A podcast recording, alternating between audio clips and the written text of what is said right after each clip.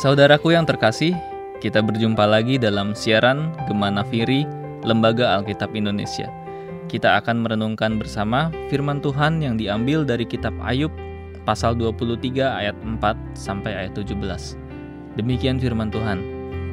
Maka akan kupaparkan perkaraku di hadapannya dan kepenuhi mulutku dengan kata-kata pembelaan. Maka aku akan mengetahui jawaban-jawaban yang diberikannya kepadaku dan aku akan mengerti apa yang difirmankannya kepadaku. Sudikah ia mengadakan perkara dengan aku dalam kemahakuasaannya? Tidak, ia akan menaruh perhatian kepadaku. Orang jujurlah yang akan membela diri di hadapannya, dan aku akan bebas dari hakimku untuk selama-lamanya. Sesungguhnya, kalau aku berjalan ke timur, ia tidak di sana, atau ke barat, tidak kudapati dia. Di utara ku cari dia, ia tidak tampak. Aku berpaling ke selatan, aku tidak melihat dia.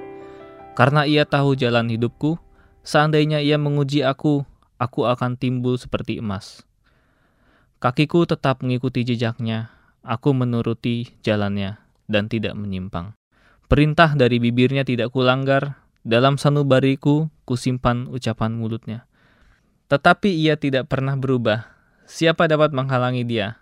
Apa yang dikehendakinya dilaksanakannya juga karena ia akan menyelesaikan apa yang ditetapkan atasku, dan banyak lagi hal yang serupa itu dimaksudkannya. Itulah sebabnya hatiku gemetar menghadapi dia. Kalau semuanya itu kubayangkan, maka aku ketakutan terhadap dia.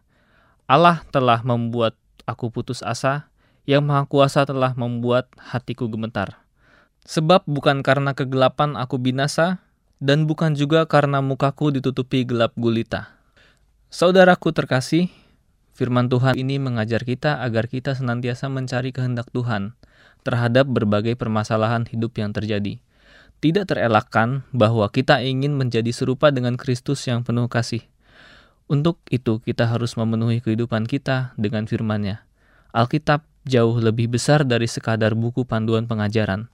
Firman Tuhan menghasilkan kehidupan, menciptakan iman, menghasilkan perubahan, menaklukkan iblis, menyebabkan terjadinya mujizat, menyembuhkan luka-luka, membangun karakter, mengubah keadaan, memberi sukacita, mengalahkan perlawanan, mengatasi godaan, memompa harapan, melepaskan kuasa, membersihkan pikiran kita, menjadikan segala sesuatu dan menjamin masa depan kita untuk selamanya. Kita tidak dapat hidup tanpa firman Tuhan. Jangan pernah meremehkannya. Seperti halnya Ayub berkata, Aku telah menyimpan firman yang keluar dari mulutnya, lebih dari makananku sehari-hari. Firman Tuhan adalah gizi rohani yang harus kita miliki untuk menggenapi tujuan kita. Saudaraku, tidaklah cukup kita hanya percaya pada Alkitab, tapi kita harus memenuhi pikiran dengan firman-Nya, supaya Roh Kudus dapat mengubah kita dengan kebenaran. Ada lima cara untuk melakukannya, yakni kita dapat menerimanya, membacanya, menelitinya, mengingatnya, dan merenungkannya. Seiring berjalannya waktu, memang kadar ingatan kita akan semakin lemah. Untuk itu, kita harus terus melatih diri untuk mengingat firman Tuhan. Dulu ketika kita masih duduk di sekolah minggu, kita kerap diberi ayat hafalan. Hal itu sangatlah baik sehingga kita senantiasa dapat mengingat dan merenungkan nilai-nilai positif dari Alkitab kita dapat memusatkan pikiran supaya firman Tuhan yang kita renungkan masuk ke dalam hati dan diterapkan dalam kehidupan sehari-hari. Anak-anak Tuhan harus menjadi pelaku firman. Kita membohongi diri sendiri jika menganggap bahwa setelah kita mendengar atau membaca atau mempelajari kebenaran, kita telah menjalaninya. Tanpa praktek, semua pelajaran Alkitab kita tidak ada artinya. Tuhan Yesus menegaskan, setiap orang yang mendengar perkataanku ini dan melakukannya, ia sama dengan orang yang bijaksana yang mendirikan rumahnya di atas batu. Melakukan firman Tuhan nyata jelas terlihat ketika kita menghadapi masalah. Dalam setiap permasalahan hidup yang kita alami, Tuhan mempunyai tujuan di balik setiap peristiwa itu. Ia memakai situasi untuk mengembangkan karakter kita. Tidak seorang pun yang kebal terhadap rasa sakit atau terlindungi dari penderitaan, dan tidak seorang pun hidup bebas dari masalah. Hidup adalah serangkaian masalah. Setiap kali kita menyelesaikan satu, yang lain sudah menunggu. Tidak semua masalah besar, tetapi semuanya penting dalam proses pertumbuhan yang Tuhan berikan kepada kita. Tuhan memakai masalah untuk menarik kita lebih dekat kepadanya. Alkitab berkata, Tuhan itu dekat kepada orang-orang yang patah hati, dan ia menyelamatkan orang-orang yang remuk jiwanya. Tuhan dapat saja mencegah Yusuf masuk penjara, mencegah Daniel masuk kandang singa, mencegah kapal Paulus karam, tetapi ia tidak melakukannya.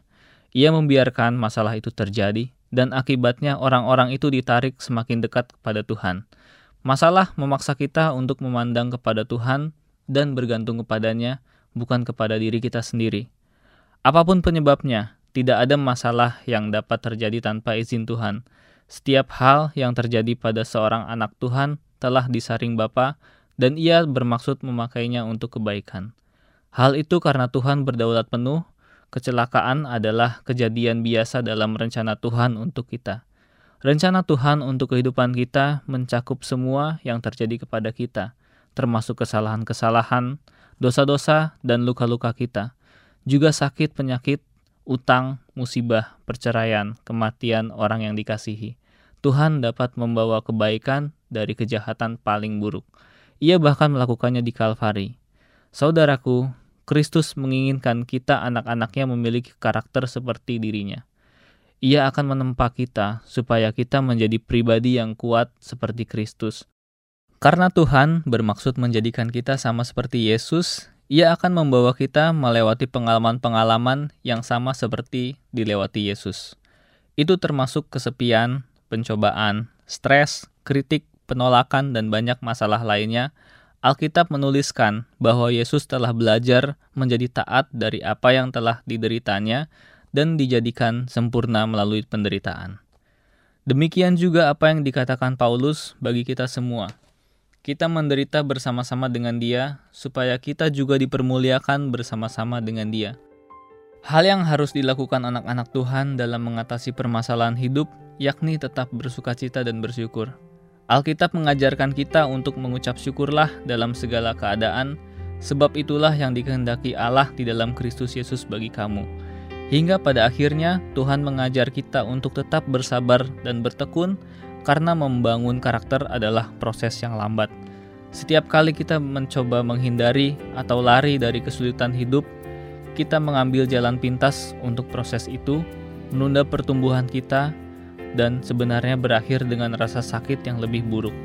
Ingatlah bahwa kita menjadi lebih dewasa ketika kita mulai melihat tangan Tuhan dalam situasi-situasi hidup yang kacau, membingungkan, dan kelihatannya tanpa arti. Mari saudara, janganlah kita menyerah, tapi tetaplah bertumbuh dalam iman, karena Tuhan Yesus nantiasa menyertai kita. Tuhan memberkati kita semua. Amin.